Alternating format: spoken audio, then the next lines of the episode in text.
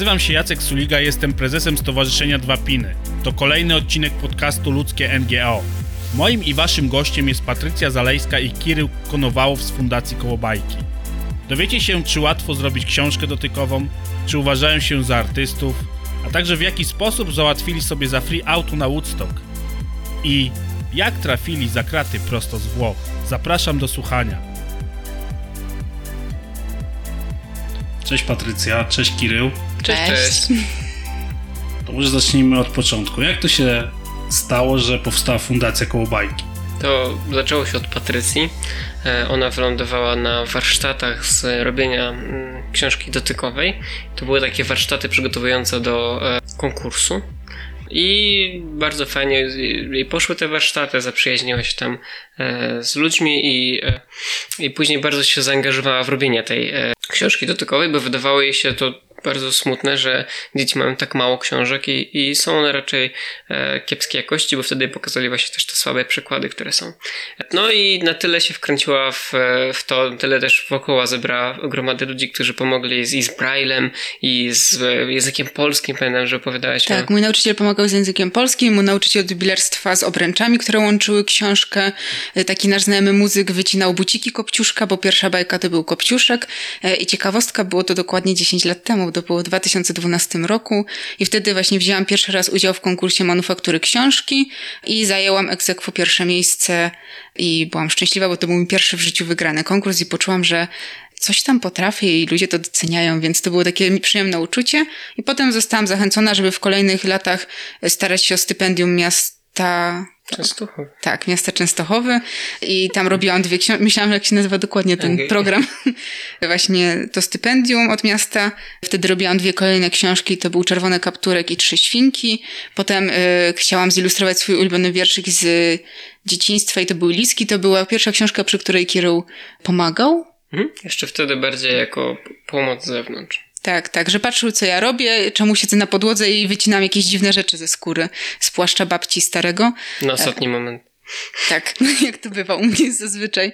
E, no i potem e, jakby okazało się, że te książki mają bardzo dobry odzew i przez te wszystkie lata e, pani Ilona, czyli dyrektorka Częstochowskiego Ośrodka dla Osób Niewidomych i Słabowidzących, mówiła, że ona z nimi jeździ po całej Polsce i że one jakby wszystkich zachwycają, że one jakby już używa ich tyle lat i nic się z nimi nie dzieje, że to są bajki, a bardzo rzadko się zdarzają bajki i ogólnie bardzo, bardzo pozytywny feedback się pojawiał i stąd pojawił się pomysł, żeby zrobić e, taki test i zrobić razem pierwszą książkę, a jednocześnie też zrobić projekt z osadzonymi, bo moja mama aktualnie wtedy e, działała w jednym więzieniu i tam pracowała właśnie z osadzonymi, którzy mieli dożywocie. No i tak wyszedł taki projekt i jednocześnie jakby robiliśmy to i to, więc zrobiliśmy swój pierwszy tytuł, który nazywał się Morskie Przygody Kapitana Seo, który jest jakby pierwszym produktem też fundacji potem się stał. Czyli powstała książka Morskie Przygody Kapitana Seo, ale jeszcze wtedy fundacji nie było. Nie. Dopiero... To było na kilka miesięcy przed fundacją. Myślę, że nawet jakiś rok, bo my wtedy wzięliśmy razem udział w konkursie. Tak. Zajęliśmy pierwsze miejsce. Tak zostaliśmy zaproszeni do jury, żeby już nie brać udziału w konkursie. Bo Patrycja żeby... wygrała ten konkurs, ten sam, na którym wtedy za pierwszym razem. Trzy razy. Tak, trzy razy. Tak. Plus jedno wyróżnienie, bo powiedzieli, że nie może to zająć tak dużo razy. Tak, tak. E... Już uzna... organizatorka uznała, że ona nie wie, jaki dawać, y, jaką nagrodę pierwszą, bo ona myślała, że co roku będzie dawać tablet graficzny i uzna, że mi nie jest potrzebne tyle tabletów, więc jakby to też było takie zabawne, ale po prostu sprawiało mi bardzo dużą przyjemność robienie tych książek i to, że wiedziałam, że one są porządne i że Y, jakby mogą komuś dawać radość. Więc to było y, ciekawe. Ale tak, jakoś po tym, jak zajęliśmy pierwsze miejsce w tym konkursie, pojawiła się myśl, żeby może nie robić tylko jedną książkę do roku na konkurs, e, tylko rzeczywiście założyć, jeszcze wtedy myśleliśmy o firmie mm, i poszliśmy do Art Inkubatora, bo jakoś kojarzyło nam się, że to będzie taki kreatywny biznes. Art Inkubator, super miejsce na mapie Łodzi, więc e, jakoś nam się ten pomysł urodził. Natomiast e, ja tam się dostałem chyba do drugiego etapu, w tym Art Inkubatorze, już doszedłem do tych indywidualnych rozmów i prezentacji swoich pomysłów, e, gdzie jakby zabłysłem, zrobiłem mini show z zasłoniętymi oczami, gdzie sprawdzali te książki. E, jedna pani nawet roz, rozdarła tą stronę, musiałem tłumaczyć, że to jest tylko prototyp. no, ale...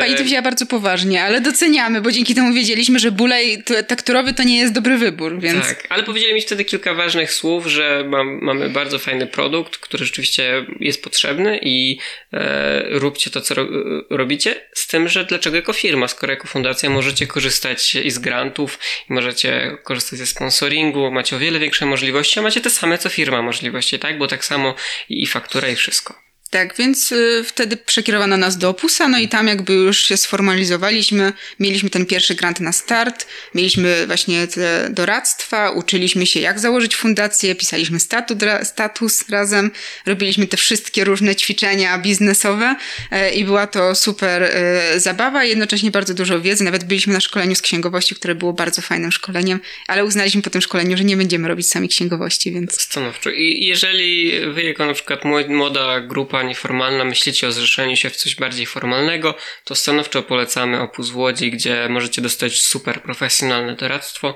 ale nie róbcie sami księgowości. Tak. Tak. A jak chcecie zakładać działalnością gospodarczą, to Centrum Klucz, bo potem tam się zostaliśmy przełożeni. Jak już się założyliśmy, to właśnie od razu się założyliśmy z tą działalnością gospodarczą i wtedy okazało się, że w Opusie nie możemy mieć dalszego tego wsparcia, że oni jakby działają z tymi organizacjami, które nie mają tej działalności gospodarczej i zostaliśmy przekierowani do Inspro, tak, do Inspro Centrum Klucz, te dwie nazwy. Tak. I tam zaczęliśmy działać z Karoliną, która była poprzednio. Zostańmy chwilę przy tych nagrodach, bo mówicie o manufakturze książki, ale wy macie też nagrody międzynarodowe. Tak, ale to już jako fundacja. To już byliśmy na etapie fundacji. Wtedy naszą książkę przetłumaczyliśmy na język angielski, wysłaliśmy na konkurs Tyflo and Tactus. Mhm. To I... był konkurs, który wtedy był we Francji. Tak. A później był w Belgii. Tak. Y, więc za pierwszym razem zajęliśmy trzecie miejsce i to jest, trzeba dodać, ogólnoświatowy, bardzo duży konkurs, na które jest, y, są setki lokalnych zgłoszeń, dziesiątki książek z y, całego świata, więc to trzecie miejsce naprawdę prestiżowe i to było właśnie dla morskich przygód kapitana Sao w angielskiej wersji, a dwa lata później e, wyróżnienie od Danii do... Od Niderlandów. Tak? Okej, okay. czyli... Mm, okej. Okay. E, do, dostaliśmy za e, książkę Bombik. No dobra, tak jak opowiadacie o tych nagrodach, to to tak brzmi, jak wy byście tutaj po prostu setki tysięcy zarabiali na tych książkach. A jak to wygląda w praktyce z waszej perspektywy? To, to, jest dobry kontrast rzeczywiście to zbić, bo rzeczywiście nagrody fajnie, ale jak ostatnio liczyłem do artykułu, ile my średnio tych książek sprzedajemy, to średnio sprzedajemy jedną książkę miesięcznie. To jest nasz wynik. Więc absolutnie nie traktujemy książek jako na przykład działalności zarobkowej. Mm, bardziej e, jest to jaka, jakaś część fundacji dobroczynna, bo no, to stanowczo jest raczej wychodzenie na zero niż zarabianie.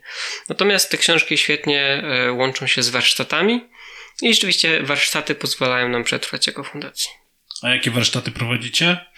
E, mamy tak kilka swoich takich scenariuszy stałych, ale też dostosowujemy się do osoby, która do nas przychodzi, na przykład chce zorganizować z jakiejś okazji warsztaty, to jakby jesteśmy w stanie zaprojektować nowe warsztaty, ale z takich naszych stałych to mamy e, moją pierwszą stronę dotykową, na której dzieci, młodzież, osoby dorosłe albo seniorzy, ale zazwyczaj prowadzimy dla dzieci i młodzieży, e, uczą się jak zrobić taką stronę dotykową, jakie są zasady takiej ilustracji takiej tyflografiki, czyli grafiki dla osób niewidomych.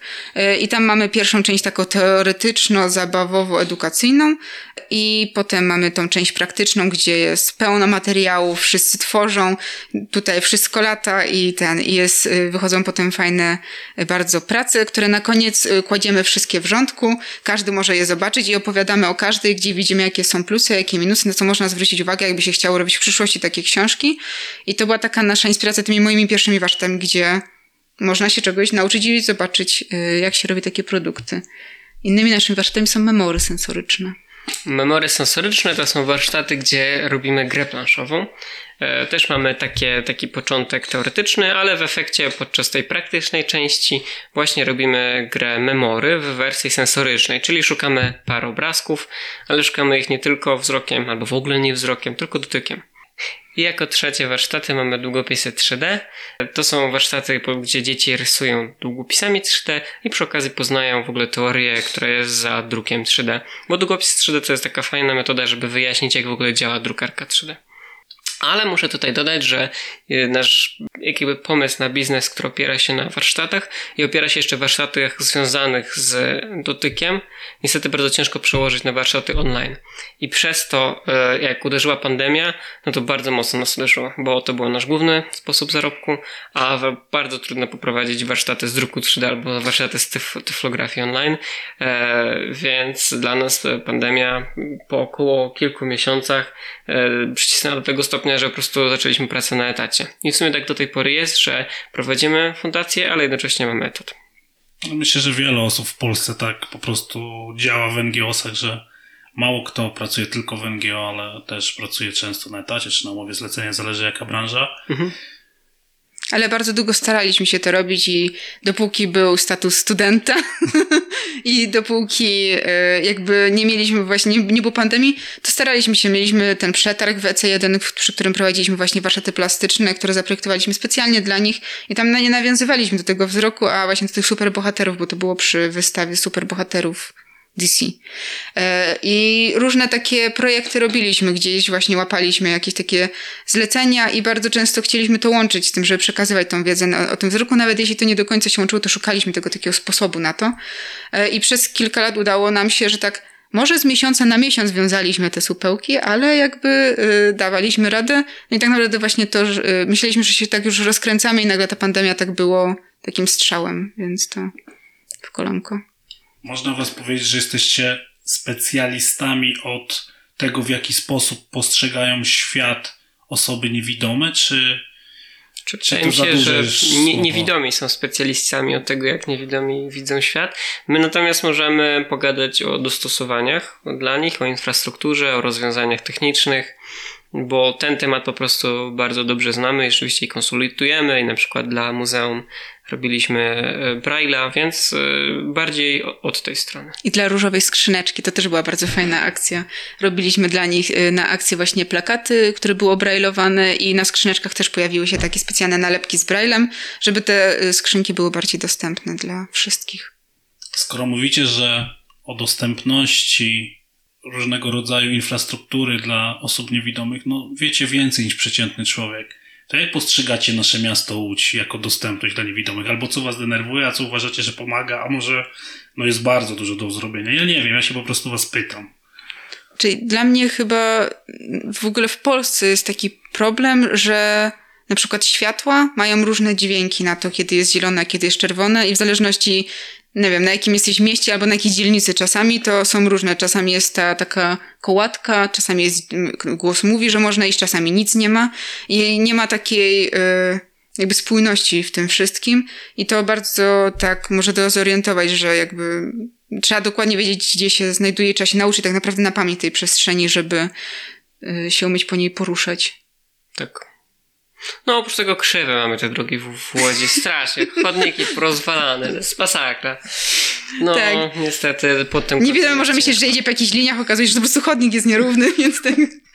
Ale w Łodzi mamy na przykład jedną rzecz, która z tego co wiem działa chyba tylko w Warszawie yy, i w ogóle wywodzi się z Łodzi. To są to tu pointy, jeśli dobrze pamiętam, i to są takie e, wskaźniki Bluetooth, które jak przechodzisz obok nich, to one na, przez telefon dają znać, że coś się tu znajduje. Na przykład, że o, tu jest muzeum, które jest dostosowane i ma wystawę dostosowaną.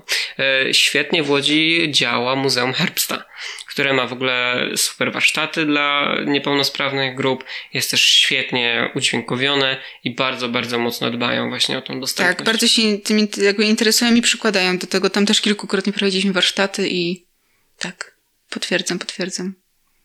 Jeżeli chodzi o niepełnosprawności, którymi się zajmujecie, to czy to jest tylko, to są tylko osoby niewidome, czy też próbowaliście lub może zajmujecie się lub wdraż, zaczynacie wdrażać albo macie w planach jakieś inne produkty lub usługi dla osób z innymi niepełnosprawnościami? Czy to po prostu tylko na razie osoby niewidome, niedowidzące? Czyli naszym głównym celem jest to, żeby y, niszczyć takie mury, które powstają między osobą niewidomą a widzącą, żeby nie było takiej jakby poczucia Wykluczenie. wykluczenia, takiej niezręczności, żeby po prostu móc jakby bez jakby myślenia o tym, czy ktoś widzi, czy nie, czy ktoś jakby słabo widzi, czy nie, żeby Być rozumieć. może objąłbym tą grupę o jeszcze osoby słabowidzące, ale innymi niepełnosprawnościami y, nie zajmowaliśmy się głębiej. E, Mieliśmy dość ciekawą rozmowę na temat e, wykorzystania naszych książek dla osób autystyczny. autystycznych. Tak. Tak. Mhm. Że ponoć też jakby to może bardzo dobrze działać y, i to jest takie, że trochę nie chcąc, to wyszedł ten temat i tak naprawdę wiemy, że y, często są te sprzężenia razem właśnie, Mhm. więc y, wiemy, że te książki się też do tego nadają, ale jakby nie, nie robiliśmy tego z takim zamiarem początkowo, więc a teraz wiemy. No, czy generalnie ten temat jest do eksploracji. Nie, nie, nie jesteśmy jeszcze w nim obeznani. Używacie często w rozmowie sformułowania książka dotykowa, Mhm. ale tak naprawdę jak ktoś nie wie, co to jest i nie widział tego na oczy, to nie ma pojęcia, co to jest i jakbyście mogli, ja wiem, że to będzie trudno zrobić słowem, ale być może wy jesteście już na tyle wytrenowani, że będziecie potrafili to opisać. Okej, to Co to takiego jest? to pewnie większość y, osób kojarzy książki sensoryczne, które są bardzo popularne y, na rynku i często spotykane. To książka dotykowa jest czymś innym. Y, Bo książka sensoryczna, ta, która jest popularna, y, ona najczęściej ma bardzo dużo takich ruchomych elementów. Można związać bucik, zapiąć zamek, można wyjąć warzywka, włożyć warzywka, nie wiem, zdjąć ubranko, jakieś założyć inne ubranko. I te książki są bardzo fajne, interaktywne i bardzo kolorowe, y, ale bardzo często są zrobione z jednego materiału, na przykład tam z bawełny czy z filcu i to jest po prostu takie uszyte. A w książce dotykowej tak jakby musimy odciąć to, że widzimy, więc te kolorowe materiały muszą być kolorowe za pomocą dłoni. I przez to w książce dotykowej używa się bardzo dużo różnych materiałów. Możemy, tak jak w morskich przygodach kapitana Seo, na jednej stronie używać y, takiej cieniutkiej miedzi, która będzie zimna, na tym będzie właśnie wydruk 3D, ten bulaj, który się otwiera i w środku jest krecik na takim neutralnym, y, białym tle, które jest takie po prostu jak kartka y, i on jest mięciutki, bo ma futerko. I nosek jest zimny, bo jest zrobiony tak, żeby był zimny. Więc jakby kontrastuje, jakby staramy się różnicować materiał pod kątem struktury, faktury, ciepła, tego jak się dotyka. Tak, i to jest chyba taka główna różnica, że książki dotykowe są prostsze, mają główny podmiot obrazka. To nie jest tak, że jest tam miszmasz, tylko jest coś, na czym można się skoncentrować, co można w prostszy sposób zinterpretować i jest tam bardzo dużo materiałów, które są kontrastowe. W przeciwieństwie do sensorycznych, gdzie są po prostu podobne materiały, ale są zadania na mechani- mechanikę bardziej. Tak, i w dotykowej części może się pojawić czarnodruk, czyli ten y, wydruk, który my widzimy, e, i braille, czyli braille. Dobra, bo tych książek dotykowych zrobiliście już kilka. Teraz, czy pamiętacie najtrudniejszą rzecz, jaką musieliście wykonać, że sprawiła wam najwięcej problemów technicznych? Mamy dwie takie rzeczy. Myślę, że przy, przy morskich kapitanach SEO jakby bardzo dużo się uczyliśmy. My też robimy te książki w takiej naszej dwuosobowej manufakturze, y, gdzie czasami pojawili, pojawiali się praktykanci, którzy z nami razem robili te książki, ale zawsze jesteśmy my we dwójkę i czasami się jest ktoś więcej. Y, I takimi y, elementami książki był Kraken. I on był trudny pod kątem technologicznym, bo musieliśmy się nauczyć, jak dobrze zrobić odlew jak dobrze odlewać silikon. I jak to ulepić. Wytłumacz jeszcze osobom, kto to, co to, czy kto to jest Kraken. A kraken to taka wielka ośmiornica. Mi- miałem wizję, żeby ta ośmiornica była galaretowata, śliska i trzęsąca się. Tak, i rzeczywiście znaleźliśmy na to sposób. Konsultowaliśmy się nawet e, z taką bardzo znaną e, Animatorką. animatorką, dokładnie, e, która nam podpowiedziała, żeby właśnie odlać e, z gipsu formę z tam, i, zalać ją później konkretnym e, rodzajem silikonu. tak, dała nam konkretne miejsca, gdzie mamy pójść w Łodzi, gdzie możemy s- właśnie, które jakby rodzaje gipsu mamy kupić, że nie taki po prostu tam najzwykły plastyczniejszy, tylko tam jakiś protetyczny czy coś takiego, więc kupiliśmy takie 5 kilo od razu, bo uznaliśmy, że to pewnie nie wyjdzie za pierwszym razem e, i mieliśmy rację. Rzeczywiście chyba dopiero trzecia forma e, zadziałała, bo pierwsza była z jakiegoś zwykłego cementu, druga była z silikonu, trzecia była już tego protetycznego i no, Tak, to była cała ś- ścieżka rzeczywiście technologiczna, żeby dojść do krakena, ale mamy teraz powtarzalną formę krakena, które mniej więcej jeden krakena dzien- jednego krakena dziennie może wyprodukować. Tak, no bo ten silikon przez 24 godziny musi czekać i się zastykać, a samego krakena odlewa się jakieś od 15 minut do pół godziny, bo nie mamy t- y, tego, co odsysa powietrze. takiej pompy. A Coś, co ja pamiętam bardzo mocno w morskich przygodach kapitana Sała jako wyzwanie, to jest armata, bo bardzo się uparłem, żeby armata wydawała dźwięk jako strzelająca, a trzeba pamiętać, że pomiędzy y, naszymi stronami jest 6 mm na obrazek, więc trzeba było, żeby to miało kształt armaty i wydawało dźwięk w 6 mm. Więc no, myśleliśmy o systemach typu bębenek, typu struny, o, o, i, i, i ostatecznie wymyśliliśmy coś typu e, taka pukawka z Zakopanego. Czyli mam tę malutką e, strzykawkę, która po prostu za pomocą podciśnienia wydaje takie pyknięcie. Tak, ale to, to było dużo, dużo, dużo prób i jeżdżenia do Fablabu, który jeszcze wtedy był y, tam na, Na Wimie. Wimie. Tak, tam Mhm. na Wimie jak był, no to tam bardzo często byliśmy, tam wszyscy nas kojarzyli, przychodziliśmy i, i tak było armata, więc Ale stamtąd dostaliśmy super pomoc i to trochę dzięki nim właśnie armata wygląda tak super. tak i działa do tej pory i ten projekt też nadal działa, bo tam y, jeszcze wtedy nie umieliśmy jakby za bardzo ustawiać i projektować tego wszystkiego do drukarki 3D i tam y, jedna osoba nam pomogła i pomogła nam zaprojektować tę armatę, bo okazało się, że ja nie potrafię zamykać przy, jakby tych brył, żeby one były drukowane, ale już teraz rozumiem mniej więcej jakby jak to wszystko działa. A w przyszłych książkach mieliśmy jakiś taki element? Tak, dalej mamy taki element i to, jest, to są mapy w bombiku. To prawda, w sumie racja, bo już od y, roku walczymy z tym, żeby zrobić mapę w bombiku, a jest to tak naprawdę, powinna być ta najprostsza strona. To jest papier puchnący, czyli taki papier, który jest y, taki biało-kremowy. Na tym albo ma- malujesz coś y, czarnym mazakiem, albo drukujesz na laserowej drukarce, wkładasz do wygrzewarki, czyli do takiego narzędzia, które jakby ma takie po prostu lampki, które nagrzewa i ten papier przechodzi. Trochę jak laminarka, tylko świeci się światło. I ten wydruk powinien napuchnąć. I to powinno być tyle. A okazuje się, że mieliśmy dużo problemów jakby z przygotowaniem tego do druku, z papierem, bo nagle okazuje się, że papier był wadliwy, teraz go zreklamowaliśmy, czekam aż to nas przyjdzie zreklamowany i to tak się ciągnie, bo to były pójście, zrobienie, wzięcie wolnego w pracy, pójście, zrobienie próby. Okazało się, że próba nie wychodzi, więc trzeba wziąć wolne znowu za jakiś czas i tak co jakiś czas. Tak, bo my sami nie mamy tej wygrzewarki i tutaj korzystamy z gościnności e, szansy dla niewidomych Tak. w Łodzi. Też polecamy. Tyflopunkt. Ile trwa produkcja książki od powiedzmy tego, że macie pomysł do prototypu, bo wiadomo, że później to jest jeszcze dopracowywane, ale ile czasu wam to zajmuje? Mam wrażenie, że z każdą książką coraz krócej, bo mamy większy jakby bagaż już doświadczenia, wiemy jakie technologie wychodzą i co może się gdzie nadać. Jak myślisz? Znaczy, jeżeli bierzemy sytuację, która jest obecnie, czyli bardziej pracujemy tam po 17 godziny 2-3 i w weekendy, no to to może trwać około 3 miesięcy. Gdybyśmy mieli taką naprawdę furę czasu, że tak jakby w 100% poświęcilibyśmy się fundacji, to ja myślę, że w tydzień no, albo dwa byśmy myślę, mogli... że trzy. Jakby był pomysł, bo jak nie ma Trzy. pomysłu, to ciężej. ale ja bym powiedział, że 3 tygodnie byśmy dali radę. Albo jak z tekstem, no to tak. Zależy, czy piszemy sami tekst, czy jakby przerabiamy jakiś tekst. Bardzo ciężko, bo to, no, ciężko. Sam... Zależy też, jaki będzie poziom wyzwania, bo na przykład mieliśmy współpracę z Muzeum Azji i Pacyfiku w Warszawie, którzy chcieli zrobić e, książkę na temat instrumentów, jeszcze taką interaktywną. No to tam pomysły były tak wielkie, że to zrobienie prototypu mogłoby zająć pół roku.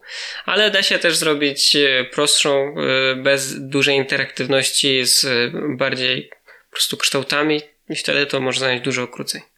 No bo też często jak mamy jakiś pomysł, to chodzimy po różnych sklepach i szukamy na przykład danych materiałów, albo szukamy osób, które mają wiedzę na temat jakiejś technologii i chcemy się dowiedzieć, więc często y, jakby pomysł jest, wiemy jak chcemy go zrealizować, ale żeby znaleźć ten jakby możliwość zrealizowania tego, to pochłania daną ilość czasu, więc y, Kapitana SEO robiliśmy przez pół roku, tak żeby do, prototyp był taki, że będzie powielalny, więc jakieś takie pół roku.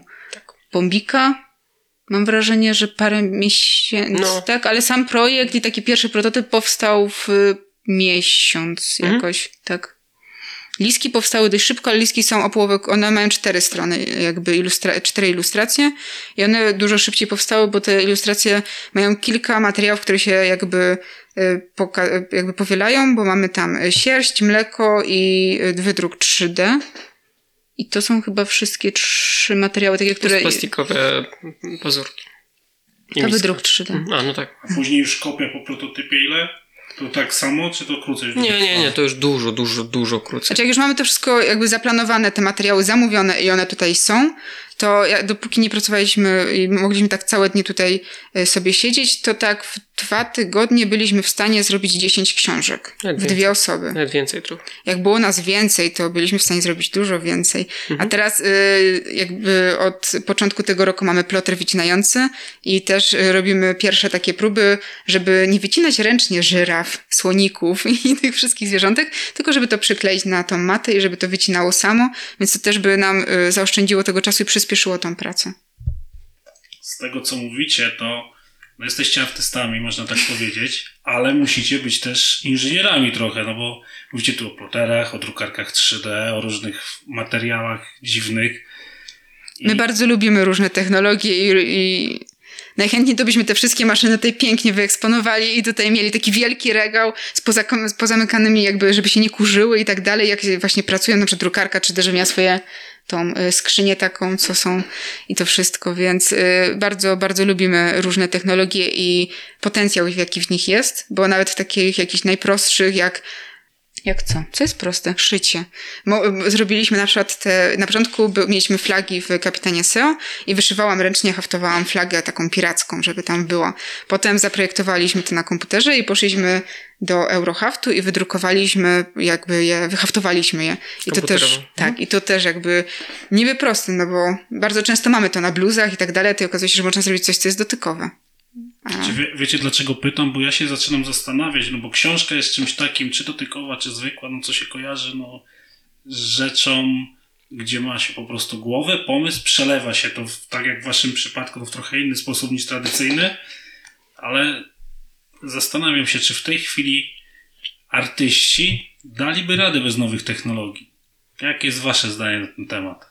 Myślę, że by dali, tylko zajęłoby to dużo więcej czasu powstanie tego, bo pierwsza książka, poza tą próbą pierwszego krakena, y, żeby go odlać, ona była całkowicie ręcznie robiona. Tam y, armata była taka, że była taka sprężynka, którą wyjęliśmy z długopisu i ona strzelała gumką, ale potem pomyśleliśmy, jak ją zrobiliśmy, że w sumie osoba niewidoma nie zobaczy, gdzie ta gumka poleci, więc przyczepiliśmy ją na sznureczku.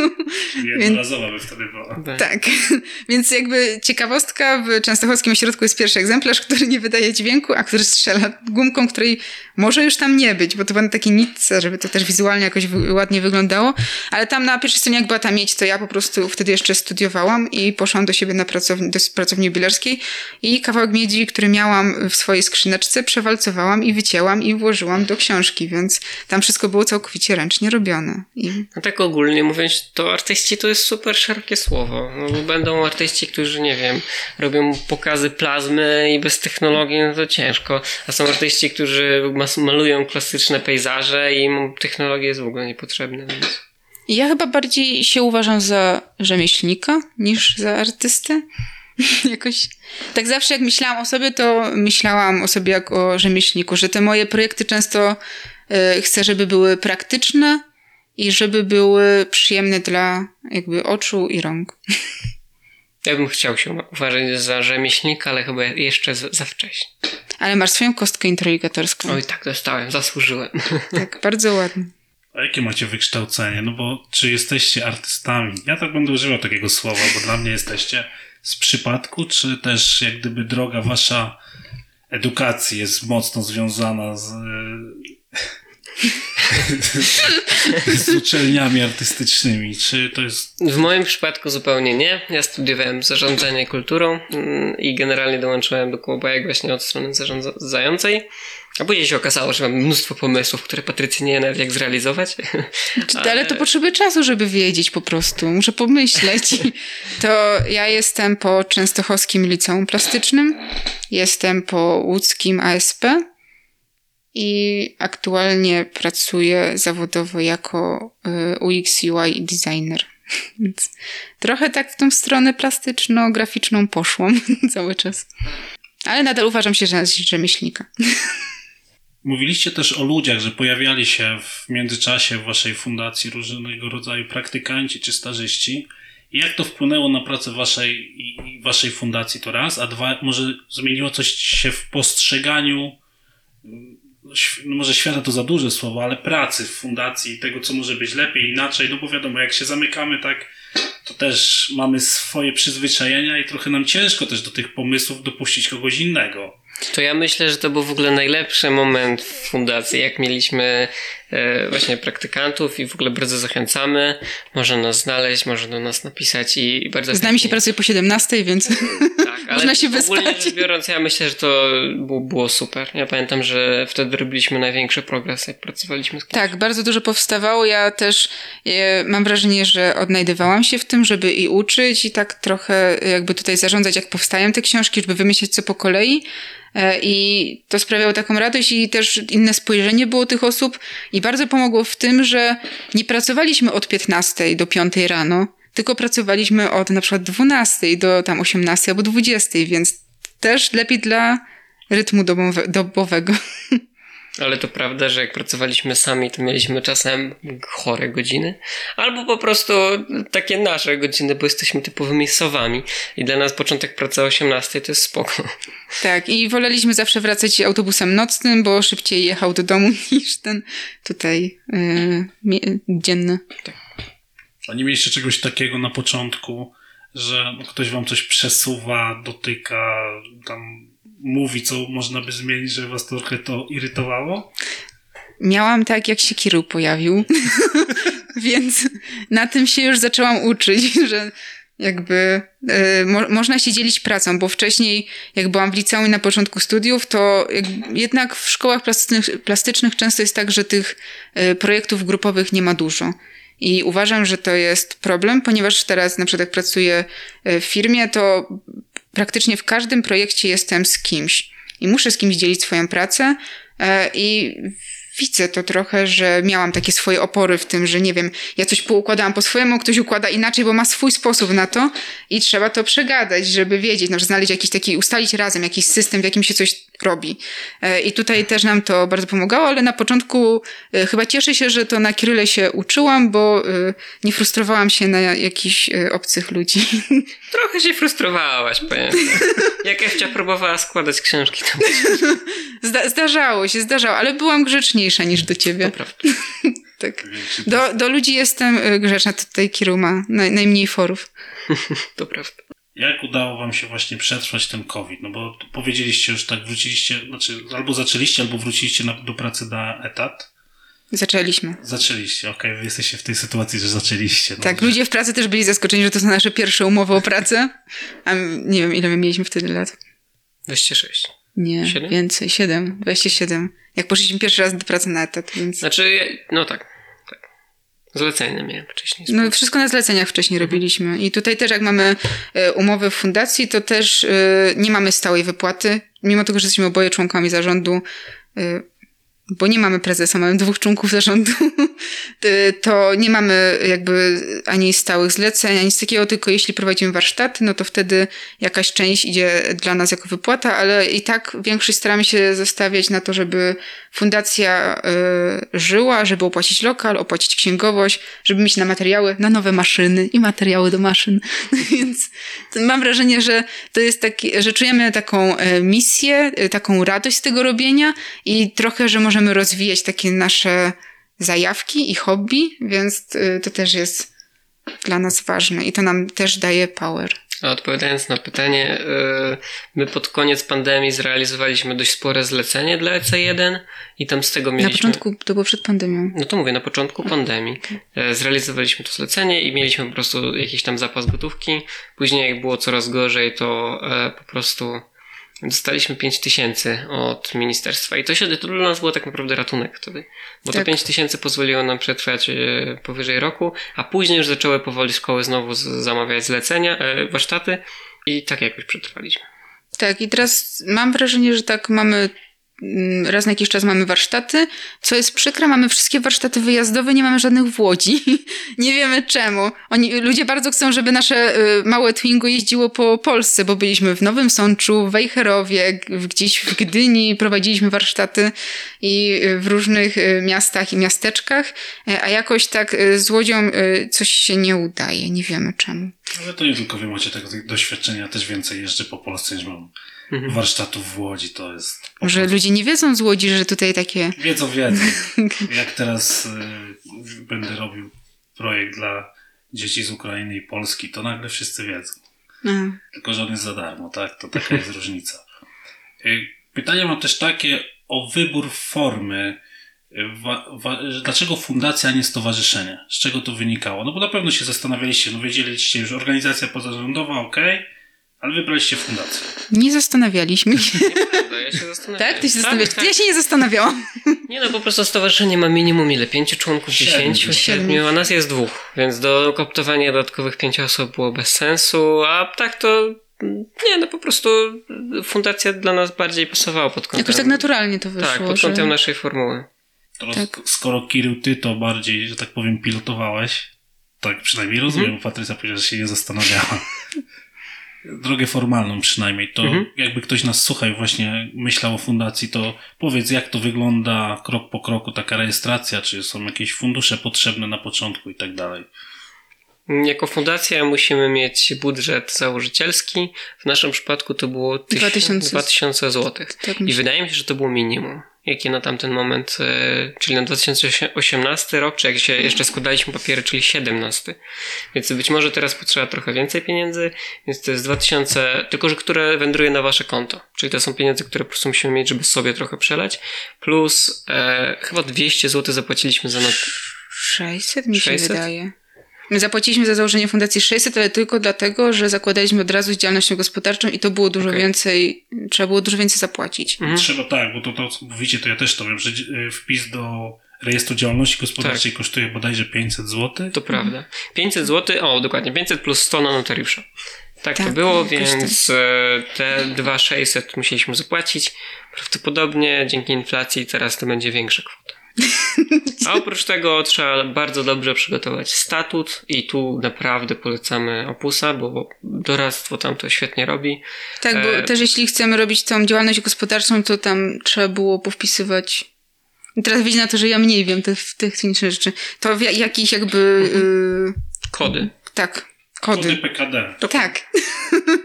Tak. Czyli jednak może jestem trochę Znaczy to, to, to nie, nie jest super trudne, dość intuicyjnie się te kody wybiera. E, Natomiast pisanie statutu to jest taka dość prawnicza rzecz. Jeżeli ktoś nie, nie ma takiej prawniczego, prawniczej zajawki, to, to może być mu ciężko. Można kopiować też częściowo z innych statutów, ale trzeba być bardzo uważnym, bo e, dość często fundacje mają tak, że odrzucane są ich wnioski właśnie przez błędy, czy to logiczne, czy właśnie przez nieusunięcie jakiegoś fragmentu z innego statutu, więc naprawdę trzeba uważnie to robić. I trzeba być też uważnym, bo jeżeli się statut pisze bezmyślnie i nie dobierze się swoich kodów PKD w przypadku działalności gospodarczej, to później każda zmiana, aktualizacja kosztuje nas. Więc e, lepiej to przemyśleć i lepiej to stanowczo zaplanować na wyrost, bo nie, nie- nie jest dla nas problemem, że mam więcej tych kodów PKD, a będzie problem, że, że jest ich za mało. Za doradztwo nic nie płaciliście. Nie tylko nie płaciliśmy, ale też dostaliśmy tam 5000 zł na start mm, z projektu. Bo robiliśmy wtedy warsztaty na tym pierwszym projekcie. tylko, to były nasze pierwsze warsztaty. Tak, tak, tak. To był właśnie projekt na starcie. Wymyśliliśmy, że poprowadzimy warsztaty. Ale bardzo, bardzo fajnie. Czy coś oprócz statutu? No, trzeba było wypełnić e, papiery To takie już było parę lat podanie. temu. Więc...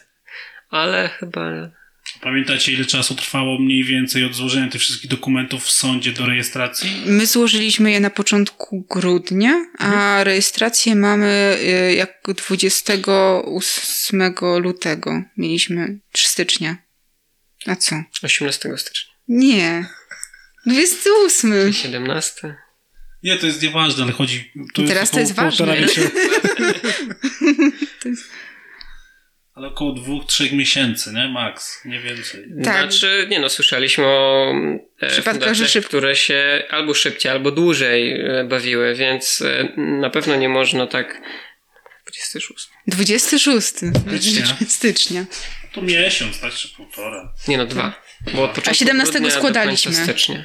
Tak. okej. Bo przed świętami jeszcze pojechaliśmy, bo uznaliśmy, że zanim pojedziemy na święta, to to złożymy. I też chyba do y, tam 20 z opusu jakby kończył się ten projekt i trzeba było to złożyć, żeby wszystko się zamknęło. A musieliśmy też y, jakieś dokumenty podpisywać na koniec jakby projektu i pokazać, że wszystko zanieśliśmy i że złożyliśmy to. Bo Dobra, tam jak też... się już zarejestrowaliście, coś jeszcze trzeba było zrobić, czy już wszystko? Bo mnie przychodzi do głowy konto bankowe, chyba tak jak ja dobrze pamiętam, że jeszcze później trzeba było konto bankowe, No. dopiero jak te wszystkie dokumenty I tam przeleć te sądu 2000. Nie wiem, czy nie. Tak, tak, tak, tak. Tak, Chyba to wszystko i można działać. Dokładnie. tak. Ja z perspektywy czasu chyba jednak polecę na początku otworzyć z działalnością odpłatną, nie z gospodarczą, bo jednak od, gospodarcza powoduje dużo większą działalność, sprawo- czy że trzeba więcej sprawozdania robić. I księgowość jest bardziej I tym bardziej, że to się wydaje, że ta nieodpłatna jest trudna i, i, i znaczy inaczej, że, że ogranicza, ale prawda jest taka, że tak samo można wystawiać fakturę jak na gospodarczej. Jedyne co, to pod koniec roku saldo musi wynosić zero. No albo być na minusie. Tak, Nie, więc może, nie można mieć zysku.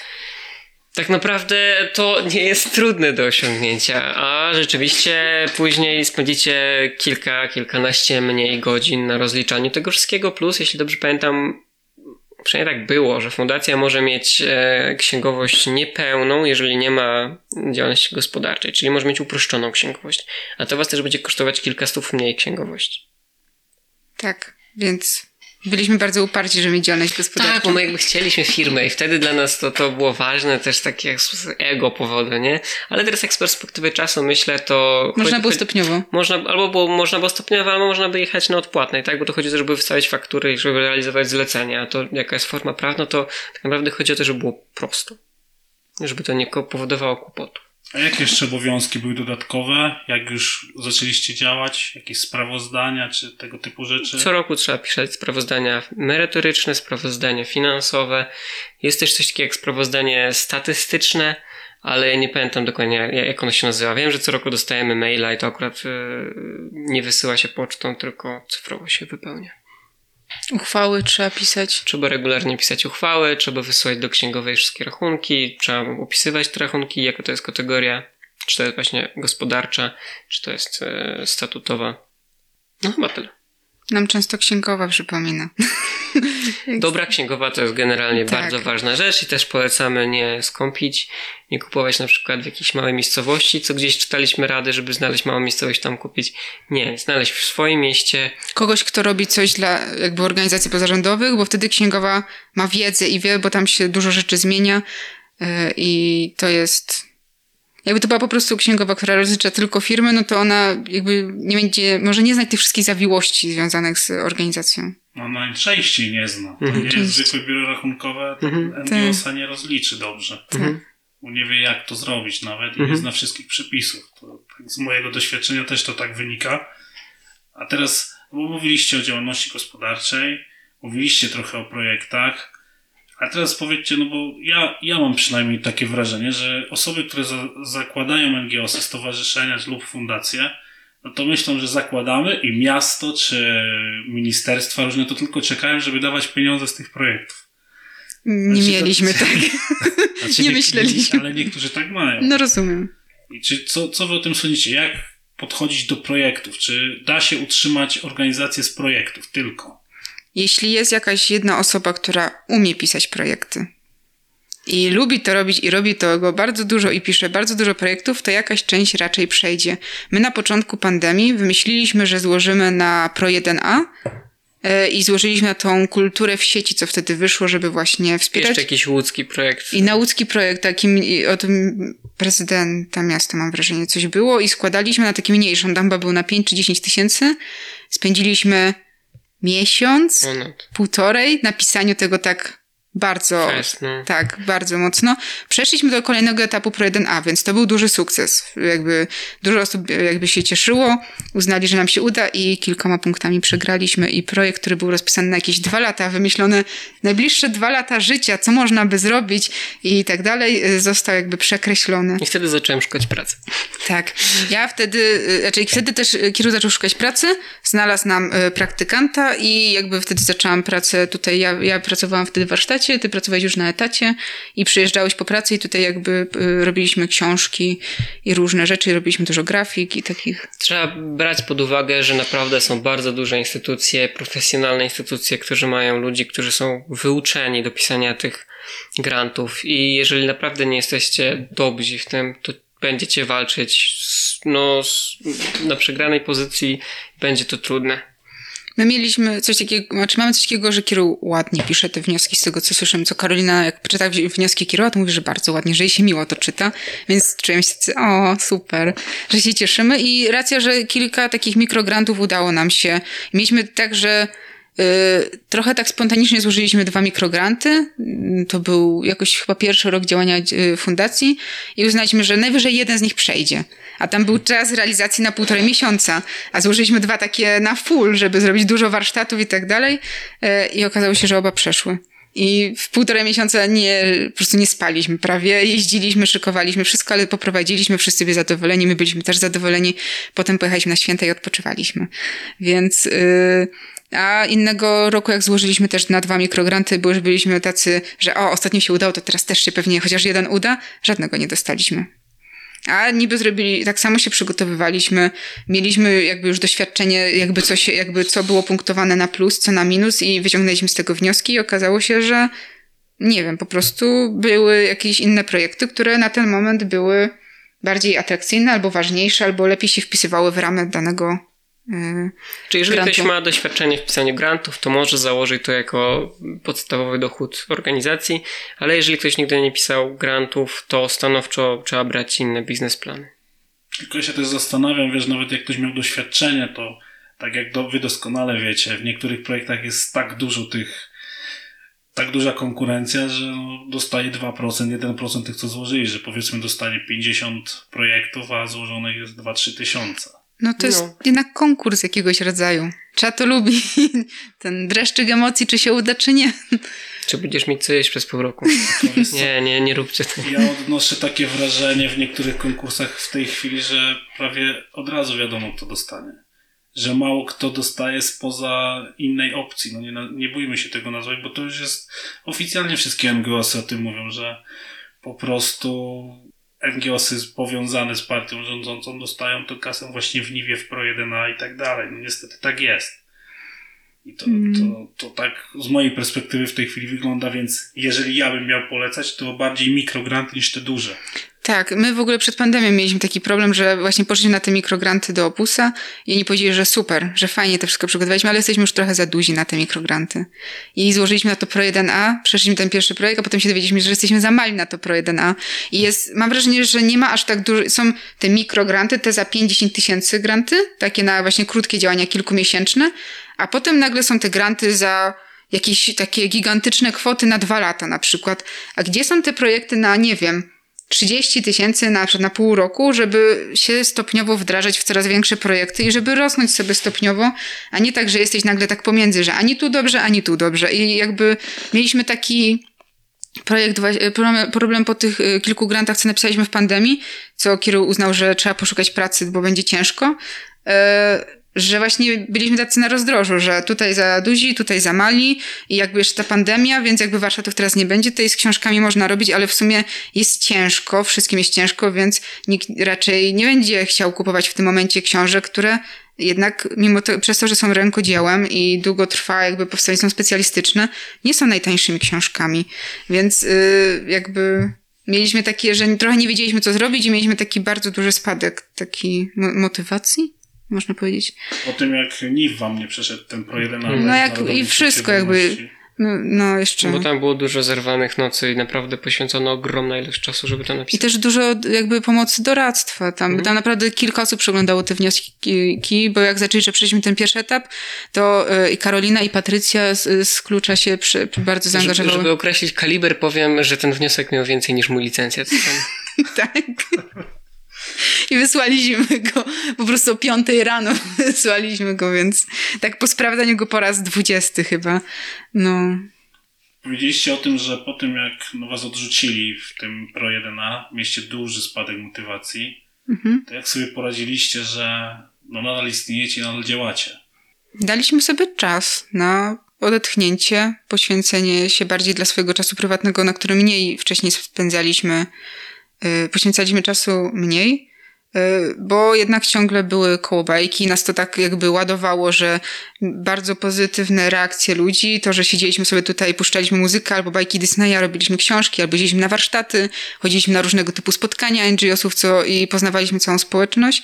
I nas to jakby cieszyło i ta pandemia ucięła to, że nagle nas zamknęła w mieszkaniu, gdzie mieszkamy na bałutach, mamy kraty w oknach, więc wyobraźcie sobie miesiąc zamknięcia w mieszkaniu małym z kratami w oknach. To było ciężkie, bo naprawdę dużo jeździliśmy po Polsce i dużo nas było wszędzie. I... A Kirył jeszcze przed samą dużo... pandemią y, prowadziły, miałeś zlecenie i pojechałeś y, ten w góry tam do Włoch i mm, prowadziłeś tak. zajęcia dla dzieci. We Włoszech. Tak, więc Kirył wrócił z Włoch po miesiącu za i... Kraty. Za kraty. więc... Ładnie.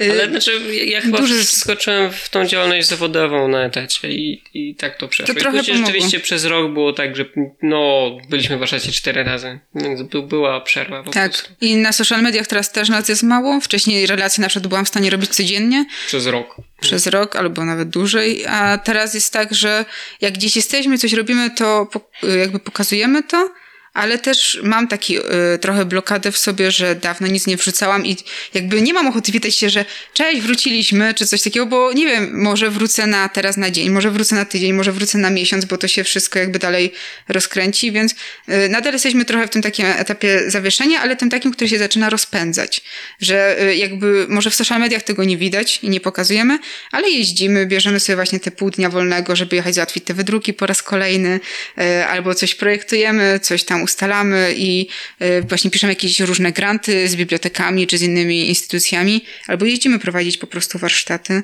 E, I to się jakoś kręci i wiemy, że chcemy wrócić tak mocniej, ale myślę, że już jest szansa, że nie z taką intensywnością, jak byliśmy, bo też e, trochę bardziej dbamy o ten nasz, nasz czas wolny. Nauczyliśmy się trochę tego. Jak poruszyliście temat social mediów, to mi się tak przypomniała wasza historia Opowiedzcie, jak załatwiliście auto na Woodstock? to Kiru, może ty. To wymyśliliśmy sobie projekt, że zrobimy taką ładną animację do firmy, która zajmuje się udostępnieniem aut na minutę, do EasyShare'a. E, stworzyliśmy właśnie pięknej wizualizacji, jakich auto wjeżdża na środek sceny na Woodstocku e, i zrobiliśmy kilka rzeczy naraz. Pierwsza to było udostępnienie tego z oznaczeniem ich, więc to już był jeden kanał, gdzie mogli to zobaczyć. A drugi jest taki, że na LinkedInie znalazłem szefową e, EasyShare'a i użyłem wszystkich kombinacji imienia, nazwiska z kropką i tak dalej i małpa EasyShare.com i rzeczywiście na jeden z tych maili odpowiedziała, więc się tak. udało. Polecamy próbować wysyłać maile do osób, właśnie jak się wie, jak się ma na imię nazwisko, to można myśleć na jakiej platformie ma to albo czy ma firmowego.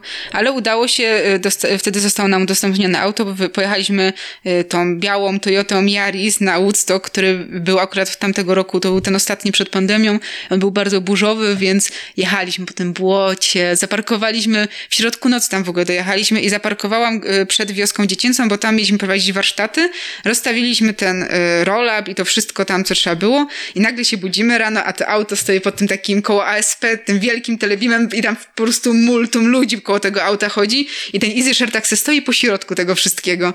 E, I tak stał tam przez te kilka dni, więc e, e, mamy nadzieję, że zrobiliśmy dobrą reklamę, bo kilka osób podchodziło i się pytało, co, o co chodzi, czemu one są obklejone i tłumaczyliśmy, że to są auta na minuty, więc tak no ja myślę, Zabawnie. że daliśmy tutaj wartość marketingową, więc to, to była jakaś w miarę równa wymiana. Ale to też nie było takie losowe, że my nie korzystaliśmy z nich wcześniej. My bardzo często właśnie jak wracaliśmy z warsztatu, nie mieliśmy swojego auta i odkryliśmy, że jest coś takiego właśnie jak car sharing e, i ja miałam prawo jazdy już parę lat, ale nie już jakby nie jeździłam, bo nie miałam czym i bardzo się stresowałam. A przez to, że wracaliśmy o bardzo dziwnych godzinach do domu nocnych, to y, na drogach było pusto i mogłam się stopniowo jakby przypominać sobie, jeździć sobie na spokojnie i się nie stresować, więc yy, jeździliśmy na tym EasyShare'em i bardzo często mieliśmy tak, że czy wracaliśmy autobusem, czy coś, jak mówiłam, robiliśmy relację codzienną.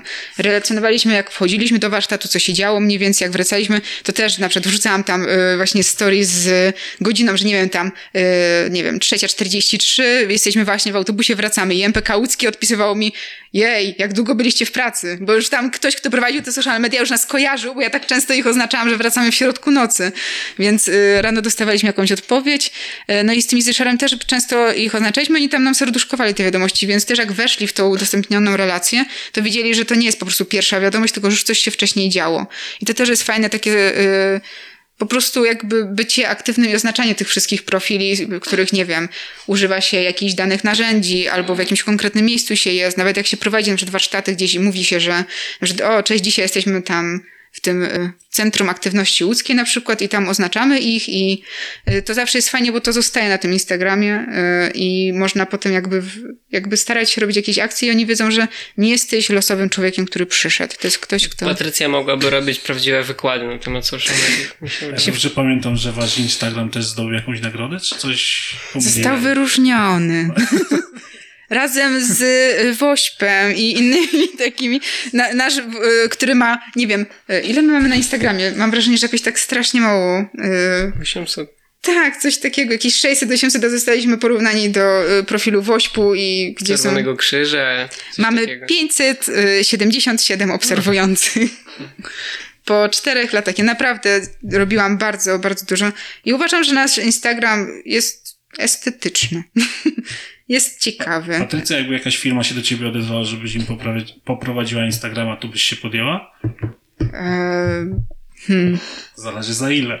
Znaczy, y, ciekawy fun fact, y, swoją pracę na etacie zaczęłam jako junior social media y, i po paru miesiącach uznałam, że nie chcę prowadzić social mediów komuś, bo jakoś mniej mnie to kręci i, i ciężej się wymyśla te rzeczy. Mimo tego, że mam pełną głowę pomysłów, to chętniej bym poprowadziła jakieś takie konsultacje i była takim wsparciem, niż tak po prostu prowadziła całościowo, bo też wiem, że fajnie, żeby to robił ktoś, kto dobrze zna dany biznes y, i kto może jakby być twarzą tego biznesu. Y, I bardziej mi się podoba, y, jak Olimpia Jędrzejczak prowadzi, ona bardzo długo miała tak, że ona jak jest y, WOŚP i są Woodstocki, to ona prowadzi na przykład te Woodstocki z kilkoma innymi osobami i jest taką jakby twarzą, która na zlecenie prowadzi na przykład na wydarzeniu jakąś relację y, i ona to na przykład tylko stories jakby y, tam robi i bardzo, bardzo dobrze to robi. Byłam na kilku jej warsztatach i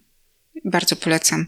Teraz wiem, że otworzyła swoją y, fundację i jak to nazwać? Pamiętam. Mam podobnie się nazywają, jak dobrze pamiętam.